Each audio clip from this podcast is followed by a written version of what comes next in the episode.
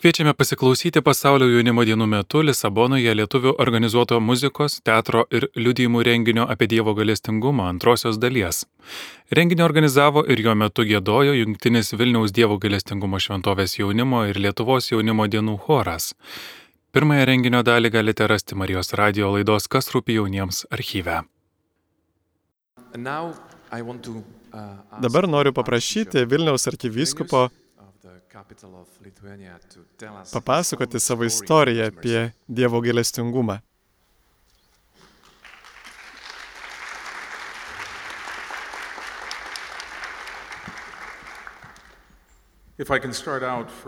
Pirmiausia, norėčiau pradėti trumpu apmąstymu apie tai, apie ką kalbėjo Danielius. Jis pateikė gražų teologinį paveikslo paaiškinimą.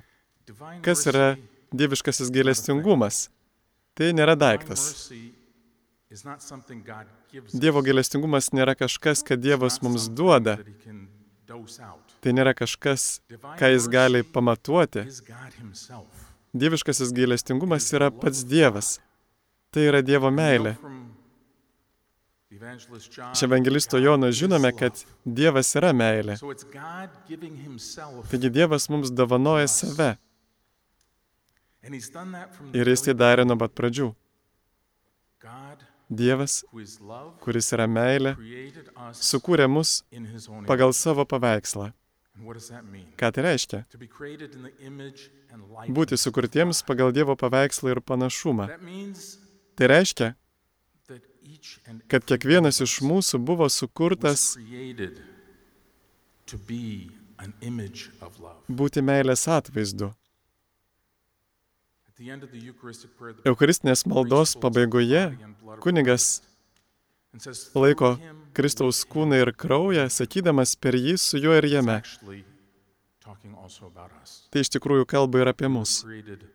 Mes buvome sukurti per meilę, meiliai ir meilėje.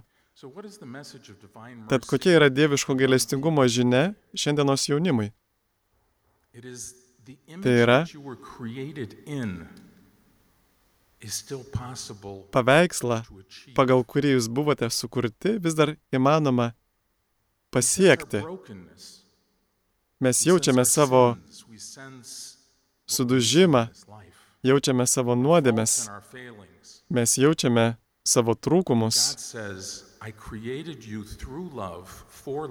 O Dievas sako, aš sukūriau jūs iš meilės, meiliai ir galiu tai padaryti iš naujo. Aš galiu atkurti jūs pagal savo paveikslą. Gailestingumo, meilės paveikslą. Ir vienintelis dalykas, kurio reikia kiekvienam žmogui, kad gautų, priimtų tavo gailestingumą, yra tiesiog to prašyti Dievo. Tai yra viskas, ko jis laukia iš mūsų.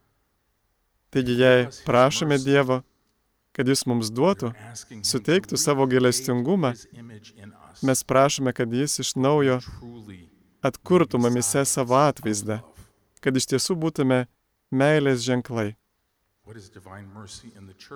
Kas yra dieviškasis gailestingumas bažnyčioje? Danielius irgi apie tai kalbėjo. Tai yra Kristaus kūnas. Bet bažnyčia čia yra tam, kad liudytų Dievo meilę šiame pasaulyje ir ji negali daryti nieko kito. Ji turi savo trūkumų ir klaidų, bet kad būtų bažnyčia, ji pati turi būti skelbimas ir liudijimas apie Dievo gailestingumą, Dievo meilę šiame pasaulyje. Ir ji gali pakeisti pasaulį. Mums tai reikia būti atviriems. Tokia yra bažnyčios misija. Dievas tai daro jau tūkstančius metų. Nuo pat nuopolio Edeno sode Dievas ieško būdų, kaip atkurti žmogų pagal savo atvaizdą. Išgydyti, pašaukti žmonės pas save. Ir jis turi planą. Ir mes matėme, kaip jis išsiskleidė šiame meilės laiške, kurį vadinama Biblija. Jis vis dar ką nors pasirenka įruošia juos taip, kad jie galėtų atnešti Dievo gailestingumą ir išgydymą į mūsų gyvenimus ir į pasaulį. Galiausiai jis atsiuntė savo sūnų, gailestingumo įsikūnymą ir jis suteikė šį galiojimą bažnyčiai.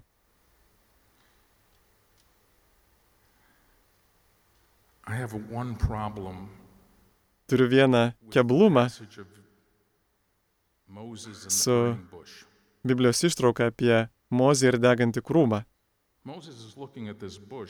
Mozė žiūri į šį krūmą, kuris dega, ir Dievas jam duoda žinę, eik ir išlaisvink mano tautą iš Egipto. Mozė turi atsakymą arba klausimą, kurį tikrai norėčiau užduoti.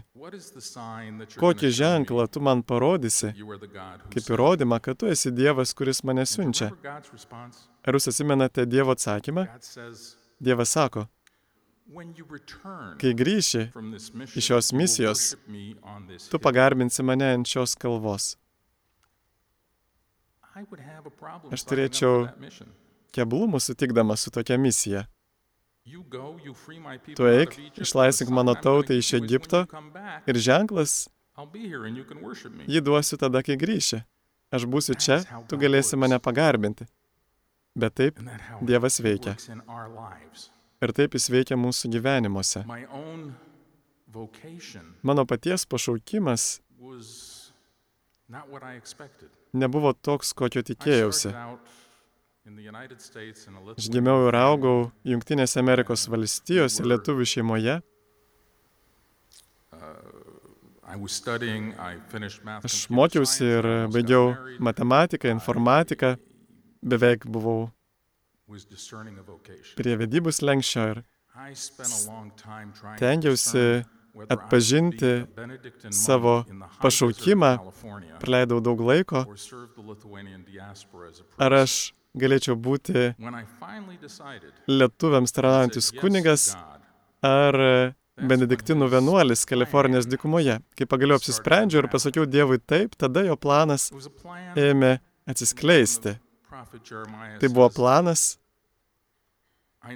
kaip pranašas Jeremijas sako, aš tikrai žinau savo užmojį jums, užmojį jūsų labai, o ne jūsų žalai. Bet mes to plano nežinome, jis žino. Ir aš pradėjau studiją seminarijoje. Būdamas klierikų metus praleidau Stubenvilyje, Ohajo valstijoje. Ir ten pirmą kartą išgirdau apie Dievo gailestingumo vainikėlį.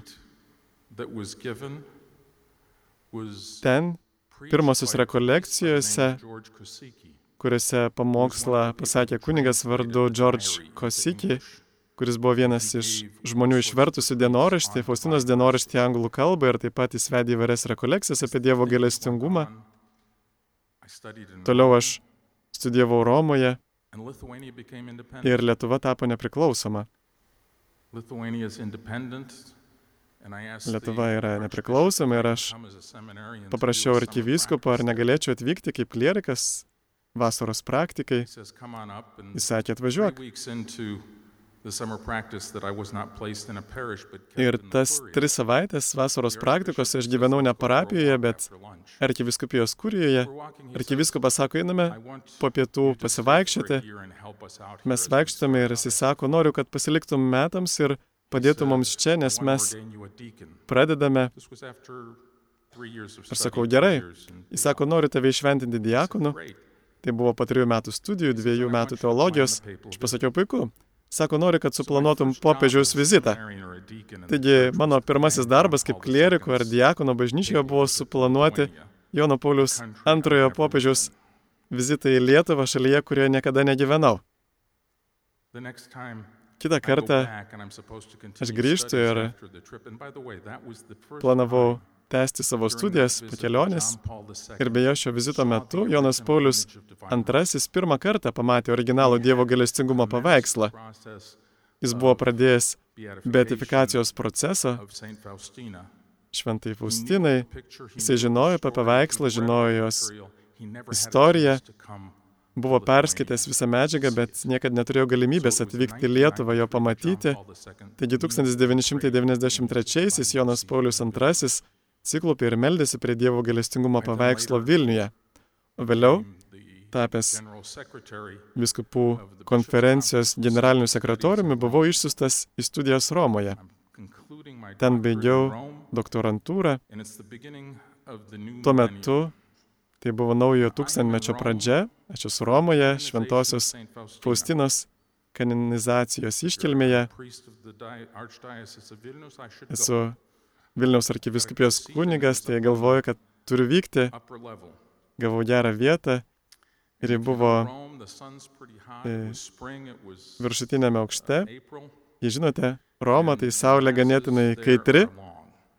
Buvo pavasaris, balandis ir Šventosios mišios trunka ilgai, saulė tikėjo vienoje pusėje ir tuo metu gavau ženklą apie Dievo gailestingumą. Grįžau namo į kolegiją ir visi mane žiūrėjo ir ši mano veido pusė buvo raudona, o ši pusė buvo balta. Jėzus palieka ženklus, kurių mes nesitikime.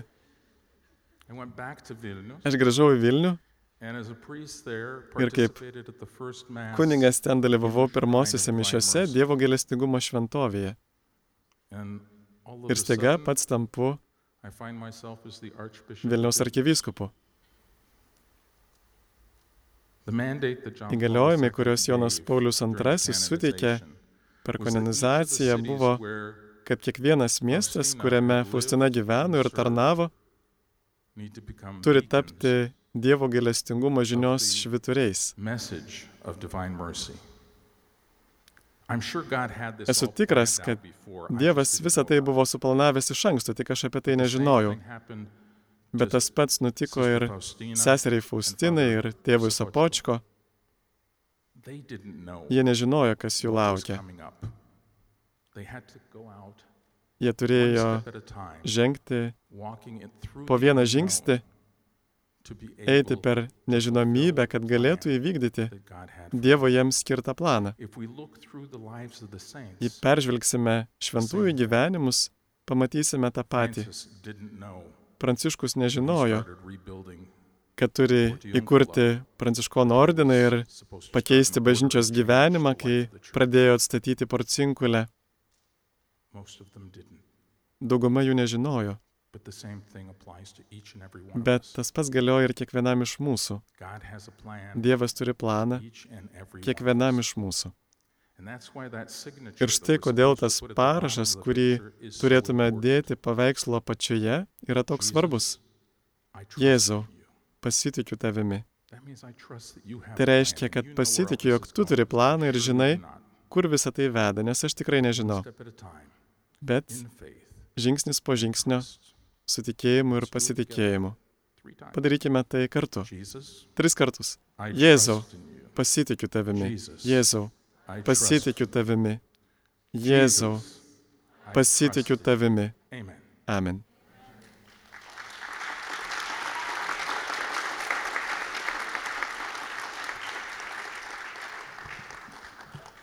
Um, thank you, Father Archbishop.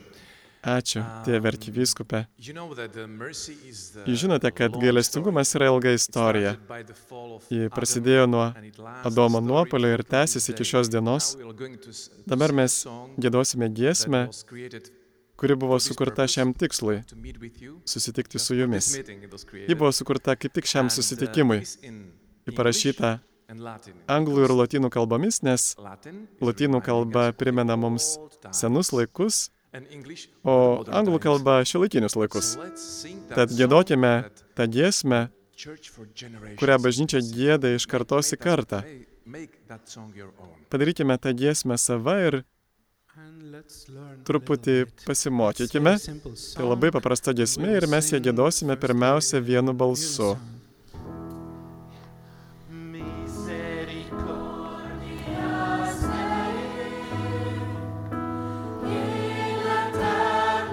Dievo gailestingumą gėdosi per amžius.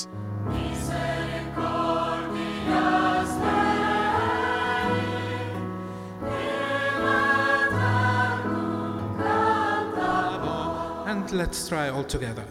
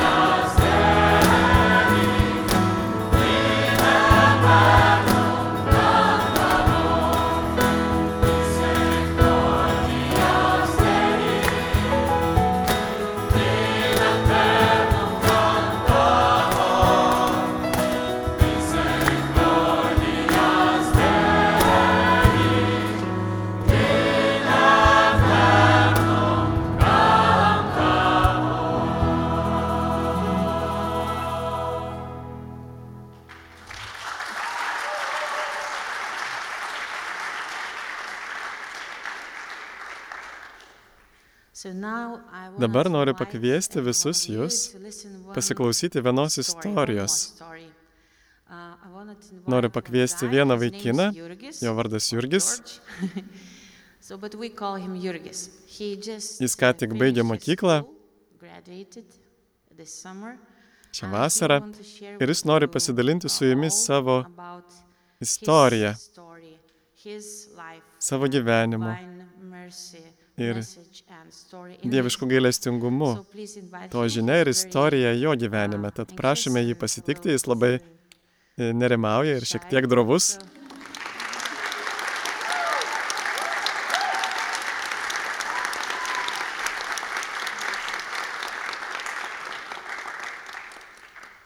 I will graduate next year. Aš baigsiu mokyklą kitais metais. no problem. so, hello everyone. Taigi sveiki visi, mano vardas Jurgis, I'm 18 years man old, 18 metų. Uh, uh, ir aš užaugau šeimoje, uh, kuri giliai neišgyveno savo katalikų tikėjimo, bet vis tiek jį laiko tam tikrą vertybę, todėl tėvai Um, išsiuntė and they mane į katalikišką mokyklą ir pasirūpino, kad aš was sakramentus. 15, I decided Taigi, kai man buvo the sacrament 15, of nusprendžiau priimti sutvirtinimo sakramentą, nes norėjau susitokti katalikų bažnyčioje. Žinoma, dėl gražios Um, ceremonijos. Aš iš tiesų negalvojau, man nerūpėjo pažinti. Dievą ar gauti Uh, šventosios dvasios dovanas. Dievas buvo tarsi nepatogumas mano gyvenime, reikalaujantis laikytis tam tikrų taisyklių. Žinoma, tik tiek, kiek aš norėjau. buvau patogiai įsitaisęs savo tinginystėje, malonumuose ir man buvo per daug patogu bandyti ką nors keisti. Tačiau sutvirtinimo dieną nusprendžiau rizikuoti ir pagalvojau, galbūt Dievas iš tikrųjų gali egzistuoti. Ir vieną retą maldos akimirką ištariau šios žodžius. Šventoji dvasia, jei tu egzistuoji, trokštų priimti tavo dovanas. Neturėjau ko prarasti išskyrus savo išdidumą. Taigi, kai viskupas išdėjo ant manęs savo rankas ir gavau sutvirtinimo sakramentą, tą pačią akimirką aš šimtų procentų supratau, kad turiu pažinimą, kurio anksčiau neturėjau. Ir tas pažinimas buvo, kad mano vieta yra ir bus katalikų bažnyčioje. Kito racionalaus kelio mano gyvenime nėra kaip tik šitas. Ir aš buvau pripildytas didžiulio džiaugsmo. Didžiulio džiaugsmo ir iš karto užsirašiau savanoriauti sutvirtinimo užsiemimuose kitais metais ir ši vienkartinė patirtis suteikė man motivacijos atsisakyti daugelio žalingų įpročių ir pradėti ieškoti didesnės prasmės ir tikslų savo gyvenime ir nepaisant stigaus ir labai galingo viešpaties įsikešimo prisilietimo vasarą, aš nekirpiau daug dėmesio į Jėzų, nes aplinkui save neturėjau tikinčios bendruomenės ir taip pamažu praradau savo kryptį, pradėjau siekti kitų tikslų, sugalvojau keletą naujų tikslų, nuvažiuoti į Ameriką, studijuoti ten filosofiją. Tas vienišumas bei ugdančios aplinkos trūkumas paskatino mane galvoti, kad viskas, ką patyriau, sutvirtinimą buvo šiek tiek e, iliuzija. Taigi ir vėl nenorėjau, kad Dievas būtų mano gyvenime. Man buvo daug maloniau eiti savo linksmų keliu ir man visai neblogai sekėsi. Pasiekiau visus akademinius tikslus, kuriuos buvau išsikėlęs. Visą, ko norėjo mano ego, aš jam leisdavau, bet Jėzus nebuvo laimingas tuo, kaip viskas vyko mano gyvenime. Ir nors jis priėmė mano sprendimą, jis padėjo man suprasti, kad neturėčiau nustoti eiti iš pažinties ar dalyvauti mišiose. Ir taip pat savanoriauti sutvirtinimo sakramentų užsiemimuose. Taigi, beveik būdamas ateistas, aš ir toliau jau į mišes išpažindavau nuodėmės ir rašiau kitus sutvirtinimo sakramentui. Taip. Taigi, Dievo malonė mane ruošia kitam lemtingam susitikimui.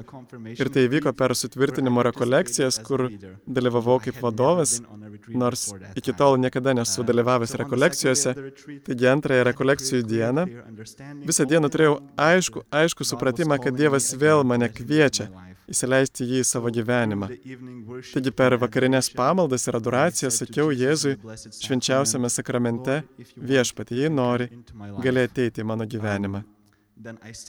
Tada likau vienas koplyčioje su švenčiausiųjų sakramentu visiškoje tyloje ir svarbu paminėti, kad e, tarp visų katalikiškų dogmų Eucharistija man buvo didžiausia kvailystė. Aš tiesiog negalėjau suprasti, kodėl reikia tikėti, kad ši duona yra Jėzus. Tai buvo taip kvaila, man atrodė. Nepaisant to, tą vakarą priejau prie jo, prisertinau. nuolankia širdimi ir vieną akimirką atsiklaupiau prieš tai, ką maniau esant tik duonos gabalėliu, bet kitą akimirką buvau sukrestas, nes susitikau su Dievu. Tai beprotiška. Jis suteikė man suvokimą, kad sukūrė mane, kad jis mane pažįsta ir svarbiausia, kad jis mane myli. Ir vienintelis žodžius, kuriuos galėjau ištarti, buvo viešpatie. Atiduodu tau savo gyvenimą. Po tos akimirkos nepalaužiamas tikėjimas Jėzumi, jo tikrų buvimu Euharistijoje gimė mano gyvenime. Troškimas kasdien priimti jį mišiose, būti maitinamam paties viešpaties tamsiausiamis akimirkomis, viltis ir žinojimas, kad viešpats visada lieka ištikimas, niekada neišnyko iš mano širdies. Po kelių mėnesių turėjau galimybę prisijungti prie jaunimo grupės Dievo gailestingumo šventovėje Vilniuje. Taigi turėjau žmonių, su kuriais galėjau dalyti savo tikėjimu ir turėjau vietą, kur galėjau aukti. Dievas niekada manęs neapleido, bet padarė viską, kad atvestų mane į šią paskutinę akimirką, kai galėjau ištarti svarbiausią ir lemiamą taip savo gyvenimą ir amžinai bus jam dėkingas už tai, ką jis man padarė. Amen.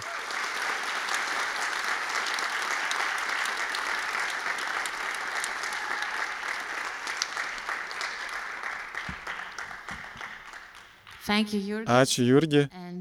O dabar noriu pakviesti dar vieną jauną žmogų. Uh, her name Jos vardas Saulė. Uh, Ji gražiai ir gražiai see. Taigi jūs pamatysite. Uh, Ir aš noriu, paprašyti, kad ir ji story šiandien pasidalintų savo istoriją. Ji šiek tiek kitokia, bet manau, kad ji įprasta ir jums visiems.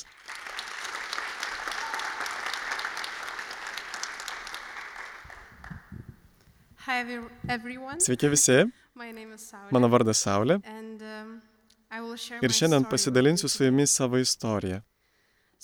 Taigi iki mano 15th summer of 15 life, gyvenimo vasaros man net nekilo klausimas, ar Dievas egzistuoja, nes aš visiškai žinojau, kad jis neegzistuoja. Tėvė man įskiepijo nuo pat mažens tokį požiūrį į gyvenimą, kad žmogus viską gali ir turi. Padaryti pats. Neturėdama tikinčių draugų ar Nematydama tikėjimo pavyzdžių žmonėse, visada maniau, kad viskas taip ir yra, kaip mane išmokė, nors augai wasn't šeimoje, tai nereiškia, kad nebuvau mylima ar nesu mylima. Mano tėvai puikiai moka išreikšti savo meilę apkabinimais, palaikančiais žodžiais, empatija ir However, begalinių Tačiau meilė man niekada nebuvo susijusi su atleidimu ar gailestingumu. Aš galėjau mylėti žmogų tik tada, kai jis mylėjo mane mainais. Galėjau laisvai rodyti neapykantą ar pasmerkimą. Kadangi šiandien esu čia, galite spėti, kad Tai Dievas mane pakeitė ir vis dar tęsia savo darbą. Jis rado mane summer of, uh, 2016 vasarą, 2016, with kai atostogavau su tėvais ir šeimos draugais, kurie 25 turėjo year old daughter. 25 metų dukrą. Ši mergina buvo pirmas žmogus mano gyvenime, kurie atvirai kalbėjo apie savo tikėjimą Dievu. Prisimenu, kai suklupau, jis sakė, Kad mane saugojo angelai. Man pasidarė jokinga, todėl pasakiau, aš netikiu tokiais dalykais. Tačiau ji švelniai, bet tvirtai pareiškė, kad tiki. Ji tikėjo Dievu ir amžinuoju gyvenimu. Tai mane suintrigavo, todėl mes daug apie tai kalbėjomės. Atrodė, kad tai tarsi pažinti su kitu pasauliu, apie kurį niekada anksčiau nebuvau girdėjusi. Be mūsų, mano galvoje, aš klausiu savęs Dievę, ar tu ten esi? Tada šis klausimas virto prašymu, pasirodyk man Dieve, jei tu egzistuoji. Ir galiausiai tai virto akimirka, kai visa širdimi ir protu supratau ir galėjau garsiai ištarti, Dieve, tu esi. Dieve, tu esi. Taigi, tikėjimas atėjo į mano gyvenimą kaip malonė, Nusileidusi tiesiai iš dangaus ir be kaukės, nuo tos akimirkos nepraėjo nie diena, kad jausčiausi vieniša. Tačiau vienas dalykas susijęs su Dievu man išlieka keistas, tai atleidimas. Aš jau papasakojau apie savo tėvų meilę. Mano mama, kai supyksta, gali laikyti pyktį iki savo gyvenimo pabaigos. Natūralu, kad aš dariau tą patį. Buvo keista, kad Dievas kvietė kažkam kitam. Kaip galiu atleisti žmogui, kuris man padarė tiek daug blogio? Kaip galiu atleisti savo pačiai už savo klaidas? Ir dar kiščiau, kodėl į kažkokią išpažinti ir prašyti kunigo išrišimo? Išpažinties formaliai eidavau gal du kartus per metus. Neturėjau daug vilties, kad per šį susitaikymo sakramentą susitaikau, tačiau mano tikėjimo kelionėje Dievas švelniai ir nusekliai rengė mano aplinką, kad vestų mane į atleidimą savo ir į malonę atleisti kitiems, nes jis matė, kad šis užsispyręs žmogus taip lengvai nepasiduos. 2021-aisiais savanoriavau katalikiškoje stovykloje pirmą kartą. Stovyklos vadovai labai pabrėžė išpažinties svarbą prieš pradedant tarnystę. Jie sakė, kaip mes galime eiti ir liudyti viešpatį jauniems žmonėms, kai mūsų pačių širdis apipintos nuodėme. Prisimenu, kad tai buvo pirmas kartas, kai pagalvojau, jog turėčiau suteikti išpažinties sakramentui šansą. Pasiryžusi ir pasiruošusi nuėjau atlikti labai nuoširdžios ir atviros išpažinties Jos metu pajutau, kaip atsiveria mano širdis. Jėzus paėmė mane už rankos ir padrasino mane pažvelgti į tai, ką aš taip ilgai slėpiau. Jis pakvietė mane patikėti jam savo žaizdas.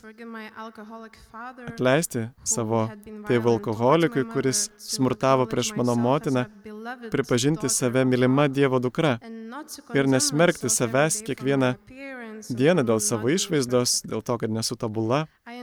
Supratau, kad jis mane sukūrė ir aš esu jam unikali ir be galo graži jam.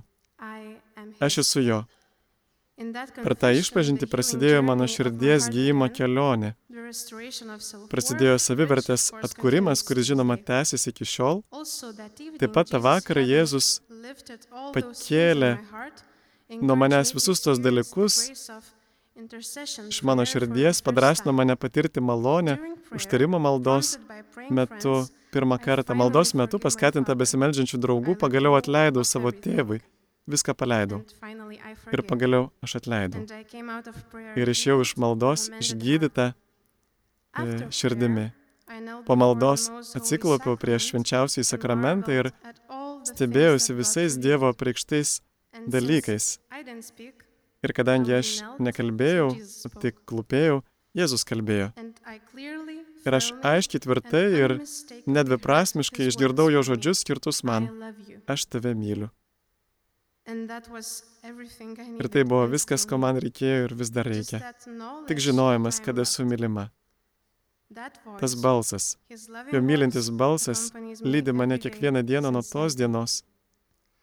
Dabar po dviejų metų nuo tų įvykių, kuriais dalinausi, galiu paliudyti, kad matau save kaip mylimą Dievo dukrą. Žinoma, būna visokių dienų, bet ačiū viešpačiai, jo gydimas vieno širdies pataisimu nesibaigia, jis gydo mane per švelnų bendravimą su savo tėvu, per bendravimą su savo sužadėtiniu, per bendruomenės dovaną ir galiausiai, svarbiausia, mano dangiškasis tėvas mane gydo per susitaikinimo sakramentą. Šiandien kviečiu ir jūs patikėti jam savo žaizdas ir atsiduoti Dievo gailestingumui, leisti jam kalbėti jums asmeniškai per šį užtarimo maldos ir šlovinimo laiką, kuris dabar bus, atsiduoti, paleisti, būti, leistis išlaisvinamam ir patirti gailestingąją Dievo malonę. Amen. Thank you. Thank you, Saule. Ačiū tau, ačiū Saulė už tavo liudijimą. Taigi, kaip matote, mes apie tai gėdame, dalyjamės apie tai, komentuojame, žiūrime į jį, nes norime patirti gailestingumą. Dabar yra laikas, ypatingas laikas mums. Mes norėtume pasiūlyti jums dovaną ir tai yra užtarimo malda. Malda, kai mes, kaip bažnyčia, melžiamės už kitą asmenį. Kartais jaučiame, kad mes melžiamės kartu, tačiau kas melžiasi už mane asmeniškai, kas mane mato. pastebi. Taigi tai yra laikas, kai bus mažos žmonių grupelės, mūsų arkiviskupai, kunigai, ir taip pat pasauliečiai. Jie turi ženklelius.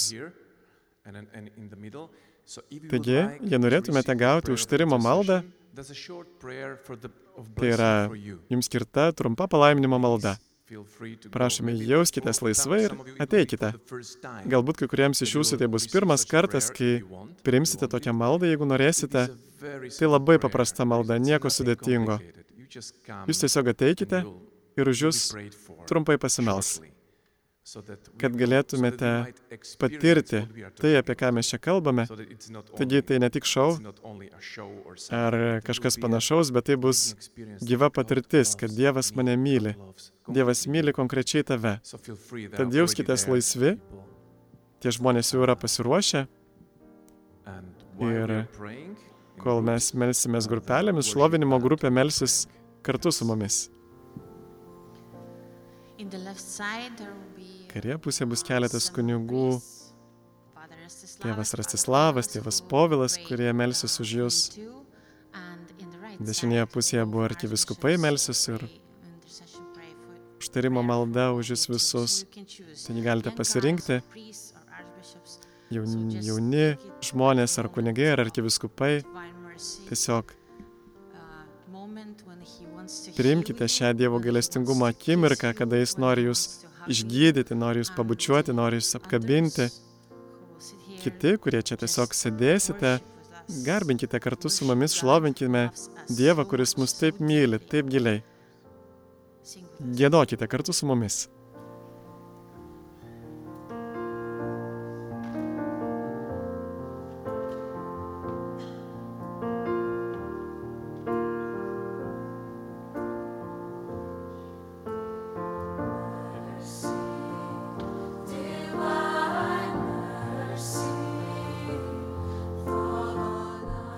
Gailestingume, dieviškasis gailestingume, nusileisk ant mūsų, atnaujink mūsų gyvenimus.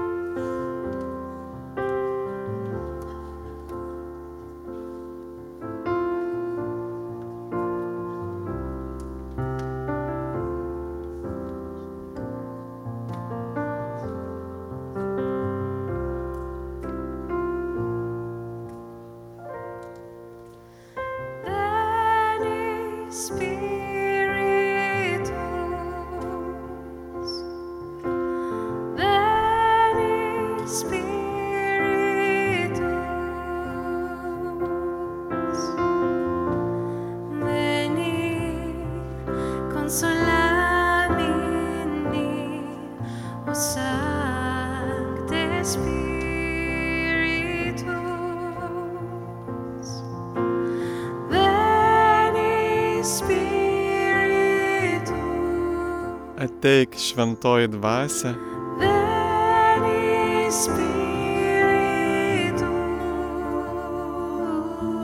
ateik, paguosk, išgelbėk mane nuo tamsybių, o šventoji dvasia.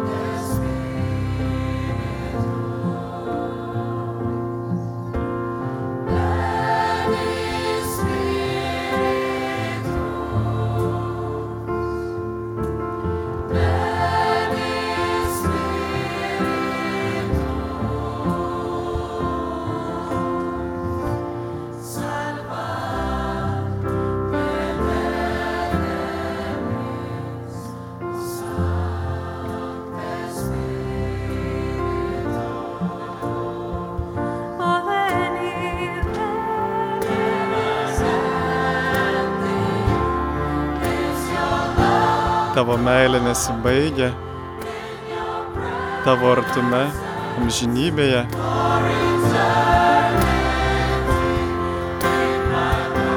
Būk mano deganti širdis, pripildyk mane savo meilę, o šventoji dvasia.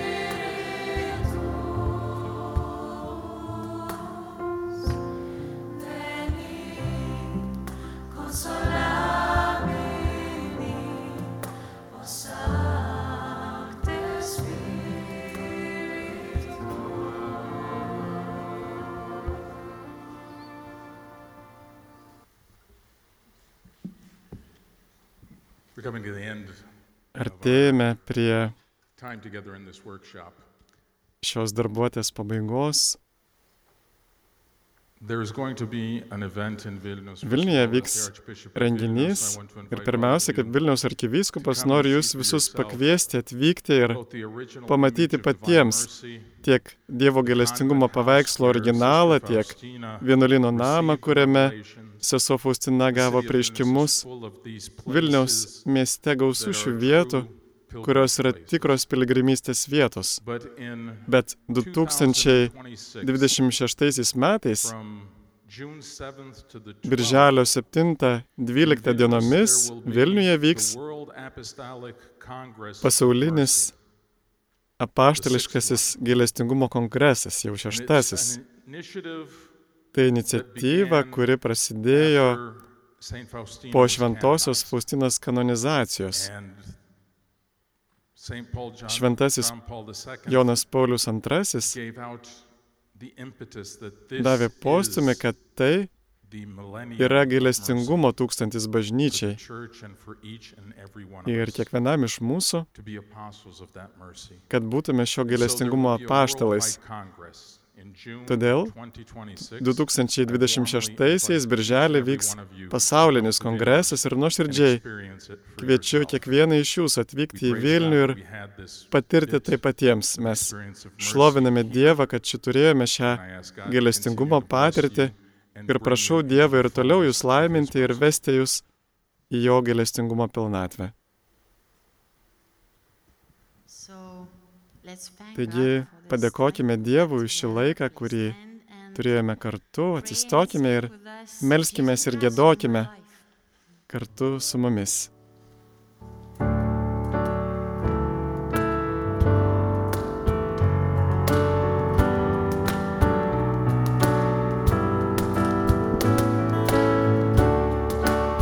Gėdama gesmė, Jėzau Kristau, tu esi mano gyvenimas.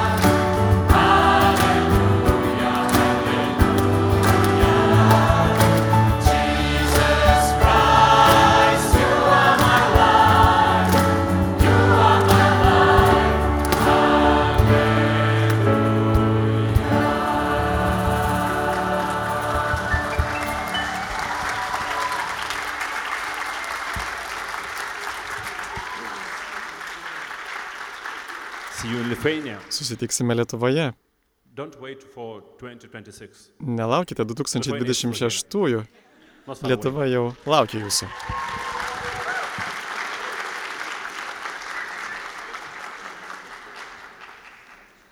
Girdėjote pasaulio jaunimo dienų metu Lisabonoje lietuvių organizuoto muzikos, teatro ir liudijimų renginio apie Dievo galestingumą antrąją dalį.